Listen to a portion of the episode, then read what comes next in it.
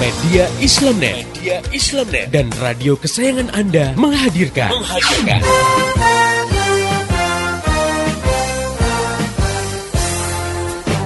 Voice of Islam. Voice of Islam. Voice of Islam. Di satu sisi diyakini bahwa perbuatan judi dan semua bentuk kemaksiatan itu diharamkan oleh Islam. Itu juga banyak yang sudah tahu. Namun di sisi lain, umat Islam sendiri tidak memiliki kemampuan untuk melarang kegiatan seperti itu. Karena sebenarnya kalau orang paham Islam, maka tidak akan dia punya pendapat wanita harus bekerja karena Islam tak pernah mewajibkan wanita untuk bekerja yang wajib bekerja itu laki-laki hmm, karena mereka iya. wajib menanggung nafkah keluarganya. Jadi sebenarnya hukumnya wanita bekerja itu mubah, hmm, boleh ya, jadi tidak dosa. Pemanfaatan tenaga nuklir apabila dipergunakan untuk kemaslahatan umat seperti penggunaan sektor non energi dan energi tersebut, maka hukum Islam memperbolehkan bahkan menganjurkan. Namun apabila digunakan untuk tenaga nuklir yang sifatnya menghancurkan kehidupan, dan menimbulkan kerusakan di muka bumi, misalnya seperti senjata nuklir, maka hal ini tersebut haram hukumnya. Allah Subhanahu wa taala mencela tindakan merusak dan orang-orang yang membuat kerusakan di muka bumi.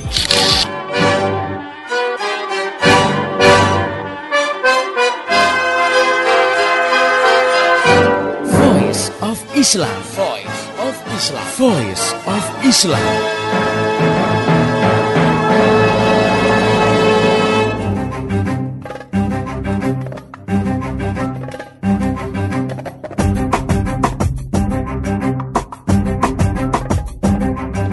Halo Indonesia, Assalamualaikum warahmatullahi wabarakatuh. Jumpa dengan saya Siska Putri dalam program Voice of Islam. Kerja bareng Media Islamnet dengan radio kesayangan Anda ini. Dan selama 30 menit ke depan, Voice of Islam akan menemani Anda dalam rubrik Tamu Kita Pekan ini. Pendengar yang budiman, untuk kesempatan kali ini saya ditemani oleh Mbak Nafisah FB atau yang biasa dipanggil Mbak Nafis Beliau adalah seorang scriptwriter sekaligus ketua aliansi penulis pro syariah Alpen Prosa. Beliau juga seorang penulis skenario sinetron-sinetron di televisi swasta nasional. Baik, kita sapa dulu beliau. Assalamualaikum Mbak Nafis. Waalaikumsalam warahmatullahi wabarakatuh. Gimana nih Mbak kabarnya hari ini? Alhamdulillah. Pendengar yang budiman, saat ini banyak sekali sinetron atau film yang disajikan ke hadapan kita dengan berbagai judul, berbagai kisah dan genre atau jenisnya pun macam-macam. Hanya saja dari sekian banyak nih pilihan tontonan yang ada, kok jarang banget ya yang mengangkat tema-tema yang islami. Kalaupun ada, paling juga nggak jauh-jauh dari tema azab. Padahal mayoritas penontonnya adalah muslim. Pastinya ada juga nih sebagian dari kita yang gerah, gergetan gitu ngelihat fenomena yang kayak gini. Nah, fenomena seperti itu sangat menarik kan untuk kita diskusikan. Sebenarnya seperti apa sih proses dibalik sebuah produksi sinetron atau film sampai bisa dilihat atau ditonton oleh kita? Penasaran kan?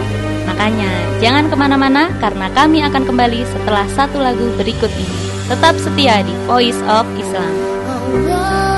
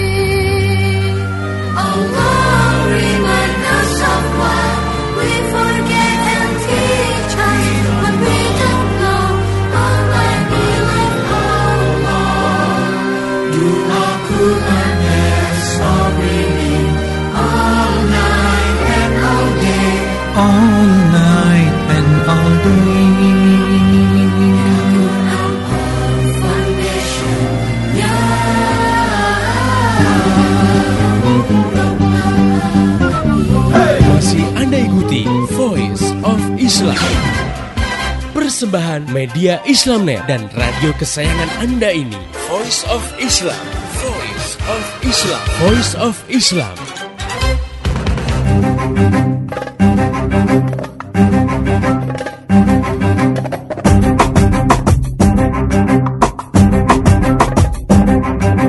Masih di Voice of Islam, kerja bareng media Islamnet dengan radio kesayangan Anda ini. Pendengar yang budiman, saat ini kita berada dalam rubrik Tamu Kita Pekan ini. Masih bersama saya Siska Putri dan Mbak Nafisah FD, scriptwriter dan ketua Alpen Prosa, Aliansi Penulis Pro Syariah. Dan kali ini kita membahas topik tips membuat skenario Islami. Baik, langsung aja kita bincang-bincang dengan Mbak Nafis. Hmm, Mbak Nafis, eh, seperti yang udah saya paparkan di depan tadi Mbak, banyak sekali saat ini sinetron yang berseliweran di layar kaca. Film-film dalam negeri juga udah mulai bermunculan nih Mbak setelah lama mati suri. Nah di antara pendengar pasti ada yang penasaran, termasuk saya sebenarnya Mbak penasaran gitu. Sebenarnya seperti apa sih Mbak proses pembuatan sinetron atau film itu? Ya Mbak Siska dan pendengar yang budiman, secara global, secara umum sinetron atau film itu butuh proses yang relatif sama. Kita cari ide, ide sudah didapat, kemudian ada yang namanya proses story building. Story building. Story building dari situ eh, akan dilihat visibilitasnya, relasi antara budget yang ada dengan ide yang sudah didapat gitu ya. Kira-kira eksekusinya bisa nggak gitu? Karena kan cerita sinetron film itu kan butuh budget, butuh biaya. ya, butuh Mbak? biaya. Dari situ kita bisa lihat apakah ide ini visible apa enggak secara ekonomis gitu kan, secara ekonomis baru dibuat ke skenario nya. Setelah skenario nya oke, ada proses casting, pemilihan peran yang sesuai dengan karakter yang ada di cerita tersebut. Dari proses casting kita ketemu dengan tokoh-tokoh yang cocok. Setelah itu baru ada persiapan syuting. Proses ini nggak nggak step by step, bisa aja paralel ya. Pas lagi cari pemain, lagi casting, produksi juga lagi jalan nih, lagi lagi nyiap nyiapin proses syutingnya, cari lokasi dan sebagainya. Jadi, langsung. uh-uh, jadi tahapan tadi memang masing-masing butuh waktu tentu. khusus untuk pembuatan skenario nya sendiri nih Mbak, butuh berapa lama ya Mbak untuk bikin satu skenario? Berapa lamanya sih nggak sama ya, tergantung proses diskusi antara produser dan penulis. Ada juga sutradara berperan di situ. E, kalau yang saya alami sendiri, ad- kita punya tim kepenulis sendiri, kemudian ada head writer, kita punya ide dari masing-masing ide itu, kemudian kita diskusikan. Misalnya mau dibentuk treatmentnya kayak apa nih, mau genrenya genre yang seperti apa, drama komedi, dramanya berapa persen, komedinya berapa persen. Nah kalau udah visinya sama nih tiga pihak tadi, baru kita buat uh, senario nya. Jadi gini misalnya, ada ada satu orang yang punya satu ide untuk bikin satu cerita misalnya tentang persahabatan. Nah, ide persahabatan kan masih global, masih masih masih umum banget. Dari ide ini mau persahabatan ini mau dibuat yang seperti apa? Mau dibikin drama komedi, drama aja atau drama komedi atau bahkan mau dibikin horor gitu kan? Bisa aja sebenarnya. Nah, kemudian uh, unsurnya ada persahabatan siapa dengan siapa. Itu kan butuh diskusi. Ada kritik sosialnya nggak atau hanya pure hiburan? Hiburan aja. Jadi dari treatment penulisan yang beda-beda ini akhirnya juga beda-beda lama waktu pembuatan senarionya. Setelah pembuatan senario selesai pun itu nggak nggak bisa dibilang tek gitu ya selesai tuntas. Karena kalau ada masukan, ada re- revisi baik dari head writer maupun dari produser, ya kita harus mau harus mau mengulang tulisan itu. Bisa jadi malah rewrite dari awal sekali. Bisa jadi seminggu, bisa jadi mungkin setahun, atau dua tiga hari pun bisa selesai skenario. Jadi memang beda-beda ya Mbak ya Iya. tiap skenario. Nah kalau boleh dijelaskan lebih detail nih Mbak, proses menulis skenario itu seperti apa Mbak? Ya, Mbak Siska dan pendengar yang budiman, skenario itu seperti yang tadi saya udah eh, jelaskan di awal, kita ada ide. Yang pasti harus ada ide kan. Pasti harus ada ide ya. Pasti. Kalau misalnya nggak ada ide, apa yang mau dibuat, apa apa, yang yang mau dibangun gitu, apa yang mau Iya. ditulis. Nah dari ide ide ini kita bisa dapetin inspirasi, kita bisa dapetin ide ini dari dari mana aja, dari lingkungan yang terdekat, dari mulai saudara, keluarga, ibu, bapak. Jadi sering-sering aja merhatiin tingkah laku orang-orang sekitar gitu ya. Dan e, biasanya sih fenomena yang paling asik untuk dikulik-kulik gitu ya, untuk diangkat itu fenomena orang-orang dekat yang sederhana gitu ya yang sering kita yang sering lihat kita gitu ya, lihat Mbak. sehari-hari ya kalau ada su- yang suka naik angkot ya perhatiin supir sampai ke Oh, penumpang-penumpangnya iya. yang sering lewat kuburan misalnya kalau misalnya pulang dari rumah kemudian dari mana gitu ya terus pulang ke rumah lewatin kuburan ya mungkin bisa jadi inspirasi juga gitu. Nah ada ide kemudian baru deh mulai dibikin sinopsis. Sinopsis itu bentuknya narasi seperti karangan. Biasanya sih yang kita pakai drama yang tiga babak. Jadi cerita tiga babak cerita tiga Berarti babak. cerita yang lumayan panjang ini Eh, tiga babak itu. tiga babak itu sebenarnya ada ada macam-macam lagi. Treatmentnya nggak cuma tiga babak mungkin bisa jadi sembilan babak. Tapi yang yang sering dipakai untuk sinetron atau film kebanyakan tiga babak. Ada awal konflik kemudian perkembangan konflik ya, ada konflik, ya, komplikasi masalah dan seterusnya. Terakhir yang babak yang terakhir itu biasanya resolusinya kayak apa penyelesaian konfliknya kayak apa. Itu yang formula formula yang biasanya dipakai. Itu yang sederhana dan dan menarik untuk dilihat ini seperti itu. Nah dari gambaran sinopsis yang sudah dibuat baru dibentuk eh, senarionya nah sebenarnya dari sinopsis ke senario itu sebenarnya ada ada proses lagi ada tahapan lagi tahapan transisi yang namanya scene plot. Tapi tidak semua penulis menulisin plot dulu. Bisa aja langsung dari sinopsis ke senario. Eh, biar lebih jelas nih Mbak, bisa nggak dikasih contoh pembuatan skenario itu? Mhm. Ya, contoh singkatnya ya, Kal- karena waktunya kan juga nggak cukup banyak lama untuk bisa Iya. detail. Iya, iya. Singkatnya, mudah-mudahan ini bisa jadi inspirasi juga buat pendengar semua. Iya. Saya punya senario, Mm. itu judulnya Memori Duet Lecek, yang insya Memori Allah duit lecek ya. Memori Duet Lecek itu insya Allah akan tayang di salah satu televisi swasta nasional di bulan Ramadan nanti. Idenya ini saya dapat. Kenapa saya kasih Memori Duet Lecek? Eh, saya baca kisah seorang bapak yang dia sholat Jumat. Habis sholat Jumat dia nggak langsung pergi, dia paling belakangan pergi. Kemudian petugas masjid itu kasak kusuk yang memang dia kebagian tugas buka kotak amal itu kasak kusuk dan si bapak ini dengar mereka bilang ya Allah masih ada aja gitu ya duit duit kumal di kotak amal nih orang pelit amat gitu kan. Hmm, Berarti bener-bener nemuin asli gitu. asli nah dari baca cerita si bapak ini saya sempat lintas sebenarnya fenomena uang kumal yang ada di kotak amal kan sebenarnya nggak sekali dua kali. Nah kenapa nggak coba dibikin aja ya gitu sinetronnya. Nah dari ide itu kemudian saya bikin sinopsisnya sinopsis memori dua lecek saya saya bacakan beberapa paragrafnya aja Oh, iya iya Mbak boleh. Jadi biar kita juga lebih ke gambar gitu ya Mm-mm. Mbak. Jadi seperti ini. Sophie satu nama yang membuat banyak cowok kesengsem berat dan banyak cewek yang iri. Dia cewek yang dikenal di sekolahnya sebagai cewek cantik, gaul, dan anak konglomerat super tajir. Such a perfect life a princess can get. Namun, di balik semua pesonanya, Sophie ternyata sosok yang menyebalkan. Sifatnya yang selalu berhitung-hitung materi ketika melakukan atau memberikan sesuatu untuk orang lain membuat orang tidak nyaman bergaul dengannya. Dia sering memberikan uang yang paling jelek, kucel untuk sedekah. Hal itu juga yang memicu pertengkarannya dengan Abdi, ketua Rohis.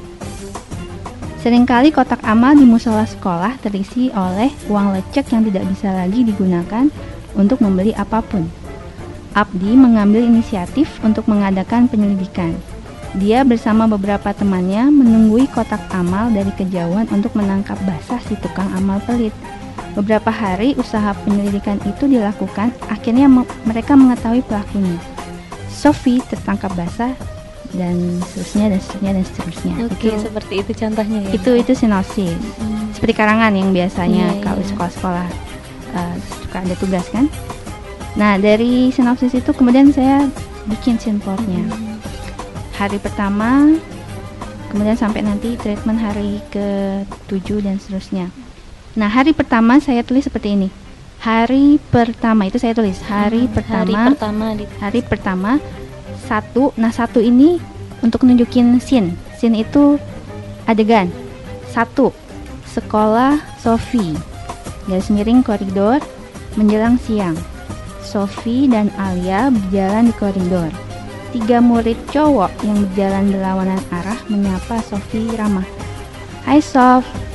Sofi Sofi tersenyum ramah. Titik dua Hai. Alia ikut tersenyum. Sofi dan Alia terus berjalan. Dua murid cowok yang sedang duduk-duduk di tepi koridor menyapa. Cowok satu, titik dua, sibuk aja Sof. Sofi tersenyum. Titik dua, biasa aja. Cowok dua, titik dua, osis mau bikin apa lagi sih? Sofi berhenti sebentar. Kemudian titik dua, ntar lo juga tahu, tunggu aja tanggal mainnya. Sofi mulai jalan lagi masih sambil melihat dua cowok itu. Yang pasti gue butuh dukungan lo semua. Kemudian cowok satu dan dua titik dua pasti gue dukung pasti dan itu seterusnya dan seterusnya.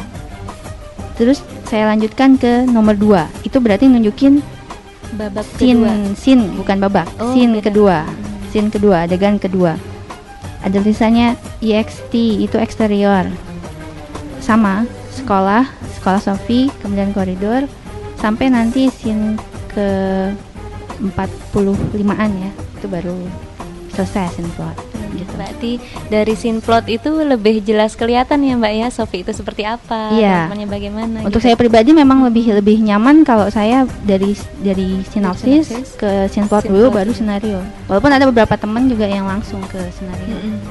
Iya Mbak Nafis. Untuk jadi penulis skenario harus tahu kan nih Mbak istilah-istilah penulisan skenario. Nah ada INT, EXT, CU. Mm-mm. Pusing nggak sih Mbak itu harus ngafalin istilah-istilah itu semua? Kalau untuk jadi penulis skenario terus harus tahu istilah-istilah itu ya emang harus mau nggak mau karena itu yang dipakai kan. Hmm. Kalau pusing awalnya ya terus terang saya pertama kali kan belajar istilah-istilah itu dari buku senarionya ada pada dengan cinta.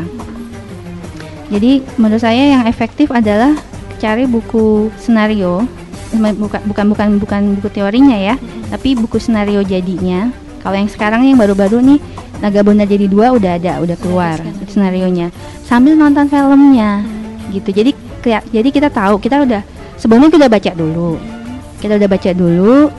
Oh INT itu INT INT itu artinya interior.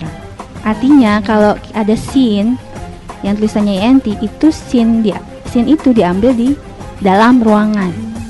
dalam ruangan. Kalau EXT itu eksterior, berarti scene itu diambil di luar ruangan. Ada lagi CU.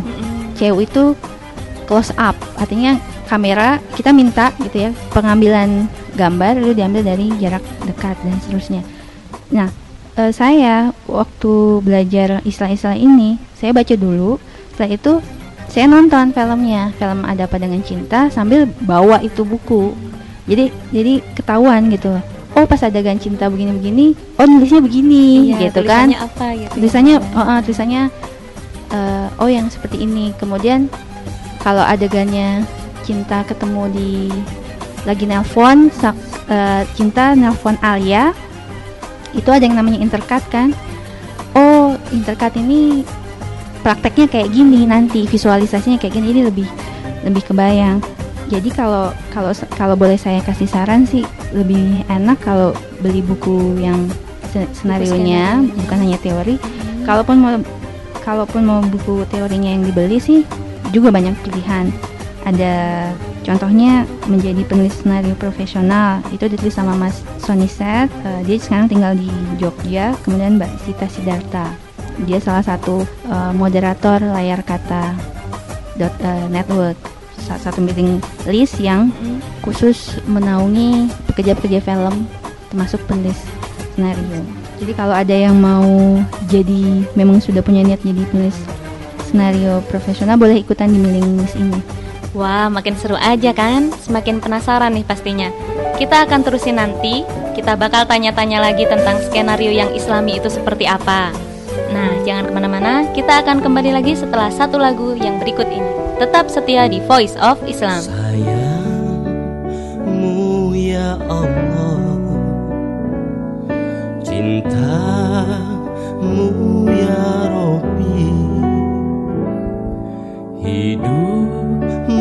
mati Rizki dan jodohku Hanya di tanganmu yang suci. Ya Allah jauhkanlah kami Dari semua godaan setan.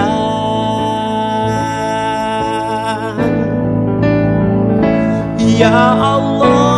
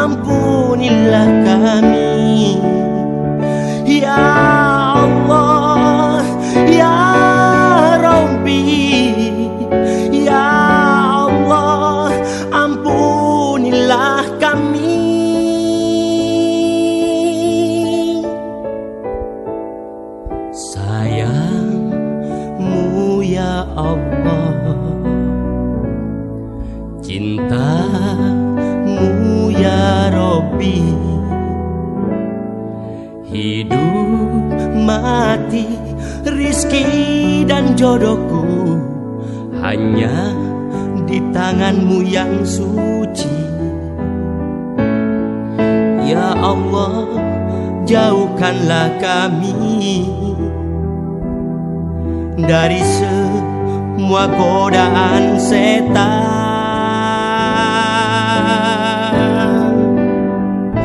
Ya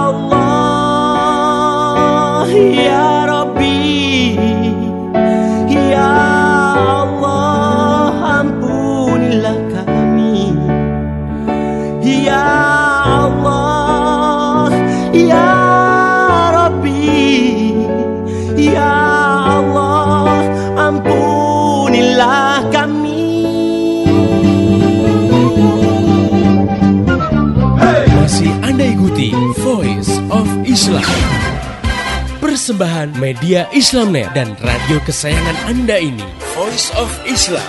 Voice of Islam. Voice of Islam.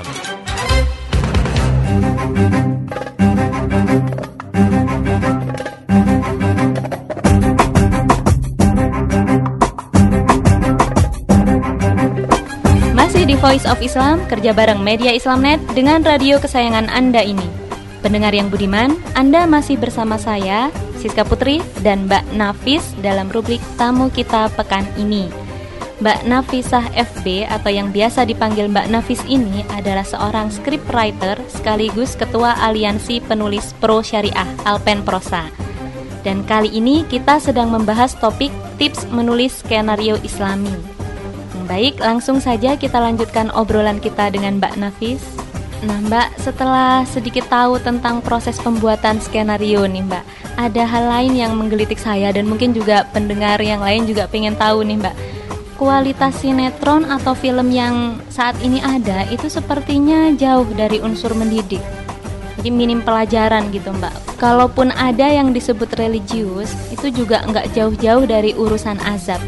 Sebenarnya skenario yang islami itu yang seperti apa sih Mbak? Ya, Mbak Siska dan pendengar yang budiman, itu juga yang menjadi satu tanggung jawab moral yang awalnya saya pikir akan banyak kendala, tapi sejauh ini lancar sih untuk bisa memasukkan tema-tema yang bertema kritik sosial walaupun nggak nggak dibungkus dalam satu adegan-adegan adegan-adegan yang menguras pikiran gitu yang berat. Nah ini juga yang sebelumnya saya ingin berikan tantangannya gitu ya ke pendengar semua kalau memang ada yang berniat ingin jadi seorang penulis senario yang profesional sejauh apa keinginan itu eh, bahwa bahwa menulis senario itu ingin menghadirkan menghadirkan satu pencerahan ingin menghasilkan karya yang mencerdaskan itu yang seperti apa? Apakah niat itu hanya ingin nantinya jadi orang tenar pengen dapat duit dari situ?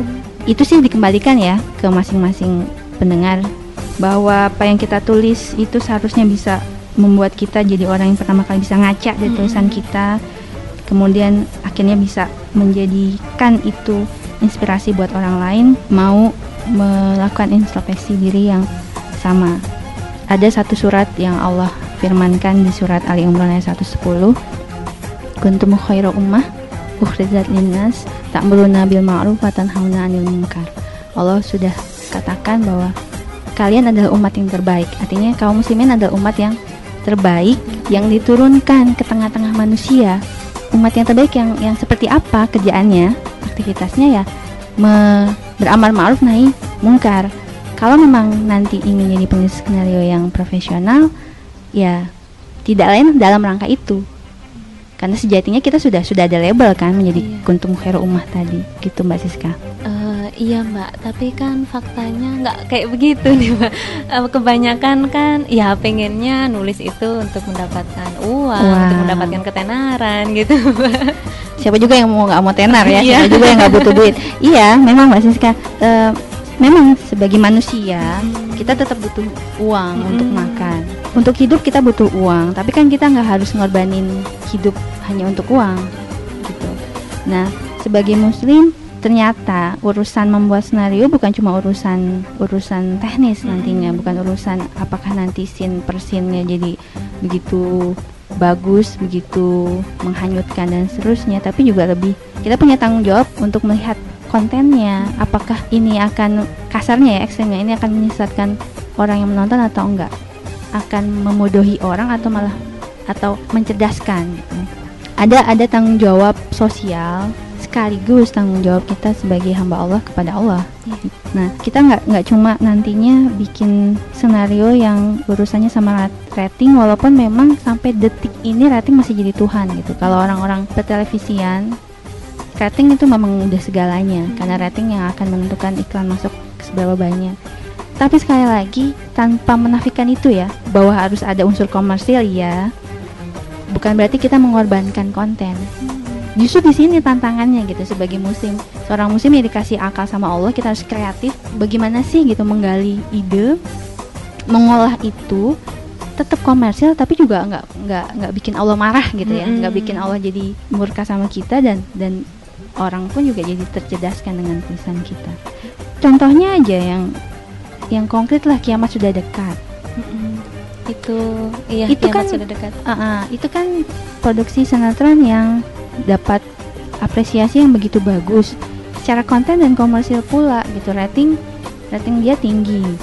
Terus juga film-film Iran tanpa melep- tanpa tanpa perempuan-perempuan Iran harus melepas kerudung itu pun juga bisa dapat apresiasi yang tinggi kayak Children of Heaven saya juga pernah nonton itu dan beberapa yang lain. Jadi nggak harus mengeksploitasi adegan-adegan yang yang vulgar maupun tidak vulgar tapi menjurus vulgar ciuman kekerasan darah dan dan sebagainya dan untuk bisa menjadi penulis skenario yang semacam itu konten ini islami atau enggak yang mencerdaskan atau enggak ya mau nggak mau memang seorang penulis butuh butuh, butuh tahu Islam Hmm, Oke, Eh, jadi skenario yang Islami itu skenario yang isinya nggak melenceng dari Islam itu sendiri ya Mbak ya. Iya. Nah untuk tahu yang sesuai dan nggak sesuai dengan aturan Islam ini tentunya penulis juga harus punya bekal pengetahuan Islam gitu ya Mbak ya. Iya.